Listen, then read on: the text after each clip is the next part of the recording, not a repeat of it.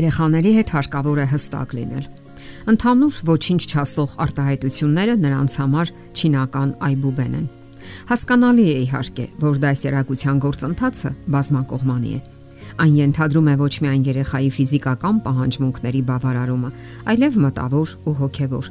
եւ այնուամենայնիվ հարկավոր է գործել կոնկրետ երեխային հասկանալի լեզվով ու պատկերներով եւ սեփական կյանքի օրինակներով։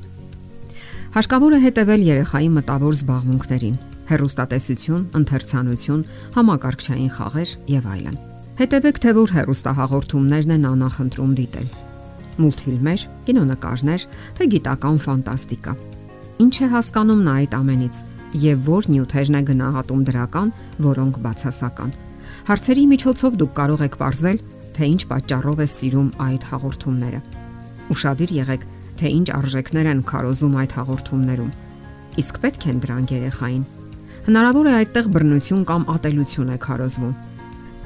Հստակությունը ենթադրում է, որ դուք եք կազմում այն հաղորդումների ցուցակը, որոնք նա կարող է դիտել։ Կարող եք նաև միասին անել դա։ Բացատրեք ձեր մղումները։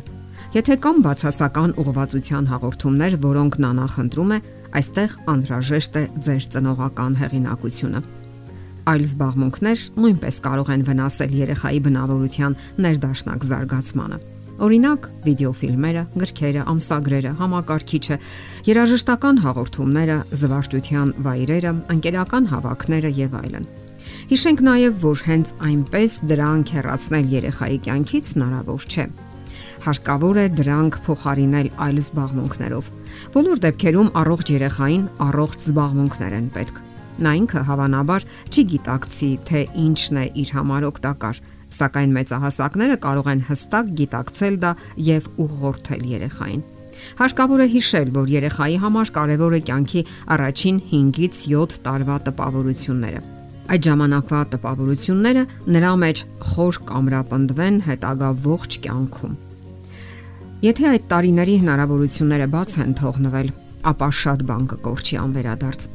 Այդ վաղ տարիներից պետք է երեխայի մոտ սերմանել հնազանդություն, ազնվություն, բարություն, բարեխղճություն, անշահախնդրություն, համբերատարություն եւ այլ դրական որակներ։ Ժառանգականությունը եւ գենետիկան չէ, որ ձևավորում են երեխայի բնավորությունը, այլ ծնողի գիտակցական համառ ջանքերը։ Նրանք պետք է կատարեն այդ աշխատանքի իրենց բաժինը եւ հույսները չդնեն պատահականության վրա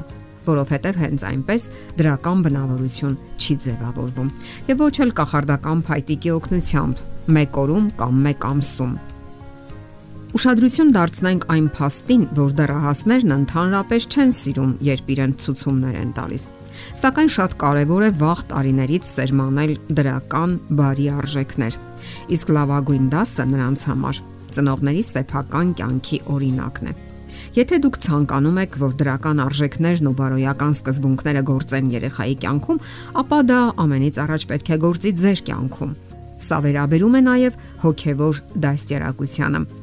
Եթե ցանկանում եք, որ երեխայի կյանքում գլխավոր տեղը զբաղեցնեն հոգևոր արժեքները, ապա պետք է դրանց հետևենք նախ մեր կյանքում։ Ինչ մնում է Աստծո մասին պատկերացումներին, ապա երեխայի մոտ դրանք ձևավորվում են իր տեսած պատկերներից կամ լսած պատմություններից։ Երեխաները շատ դիտողունակ են եւ արագ են նկատում ամեն ինչ։ Հնարավոր չէ ձևական եւ կեղծ խոսքերով բարության սերմեր ներարկել նրանց մեջ։ Իսկ ընդհանրապես ծնողները պետք է հետևողական լինեն իրենց եւ խոսքերում եւ արարքներում։ Դեռահասները կարող են առարկել ձեր խոսքերին, կարող են բանավիճել եւ ապացույցներ պահանջել, սակայն նրանք չեն կարող հակառակել կամ հակադրվել իրենց տեսած բարի արարքներին եւ կենսակերպին։ Դա շատ ակնառու է եւ լավագույն դասն է։ Հիշենք նաեւ, որ երկար խրատները հոգնեցնում են։ Երեխաները, հատկապես դեռահասները, չեն սիրում բարոյախրատական ճառեր, հատկապես երկար եւ ոչ կոնկրետ ու հստակ։ Քանի որ երեխաները սիրում են հարցեր տալ, ապա ծնողները կարող են սովորեցնել այդ ամենը պատասխանների միջոցով։ Դա շփման յուրատեսակ ձև է, որը շատ են սիրում երեխաները։ Նաև այդպես կարող եք հորդորել ու սովորեցնել երեխաներին, ձևավորել նրանց մանկական միտքն ու բնավորությունը ամենալավագույն նյութով։ Եվ վերջապես մեկ անգամ եւս նշենք, որ շատ ծնողներ, ճանաչելով իրենց սեփական կյանքը, սկսում են կազմավորել երեխաների կյանքը։ Վերահսկել, նրանց փոխարեն լուծել հիմնախնդիրները, ճնշել սեփական փառասիրական նկարտումներով, սпасումներով եւ ցուցումներով Արդյունքում երեխաները կյանք են մտնում թույլ եւ անկամ բնավորությամբ, հետագայում ունենալով լուրջ խնդիրներ։ Ասենք նաև, որ գեղեցիկ ու սիրուն պատմություններն էլ իրենց դերն ունեն երեխաների ձևավորման գործում։ Երեխաները մեծ բավականությամբ են պատմություններ լսում։ Դրական, լաբորակ պատմվածքների միջոցով շատ բան կարող եք տալ երեխային։ Դա երկու կարևոր առավելություն ունի։ Նախ դուք գիրքը կարդալուց հետո պատասխանում եք երեխայի հարցերին, խուսափելով խրատական ճառերից։ Մյուս պահը դուք ժամանակ եք հատկացնում նրան եւ շփվում բարեկամաբար։ Երբ ծնողը համբերատար շփվում է, պատասխանում երեխայի հարցերին եւ պարզապես նրա հետ է, դա սիրո անառարկելի ազդակ է եւ երեխան հասկանում է, որ իրեն իսկապես սիրում են։ Հին հույները այսպիսի թևավոր խոսք ունեին. բնավորությունը մարդու կնիքն է կամ ձեռագիրը։ Բնավորության հիմքում հստակությունն է։ Այսպես հեշտ է ձևավորել երեխայի բնավորությունը, իսկ ժամանակը չի սпасում։ Մանկական տարիները արագ են անցնում, իսկ դրանք այնքան թանկ են ու անկրկնելի եւ խոր մնում են երեխայի հիշողության մեջ։ Հասունանալուց հետո երեխաները ողջ կյանքում հիշելու են այդ լավագույն տարիները։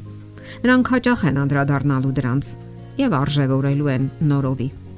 Իսկ այժմ երեխան կարիք ունի ծնողի ամուր հստակ ու հավասարակշիռ մոտեցման։ Եթերում է ընտանիք հաղորդաշարը։ Ձեզ հետ է Գեղեցիկ Մարտիրոսյանը։ Հարցերի եւ առաջարկությունների համար զանգահարել 033 87 87 87 հեռախոսահամարով։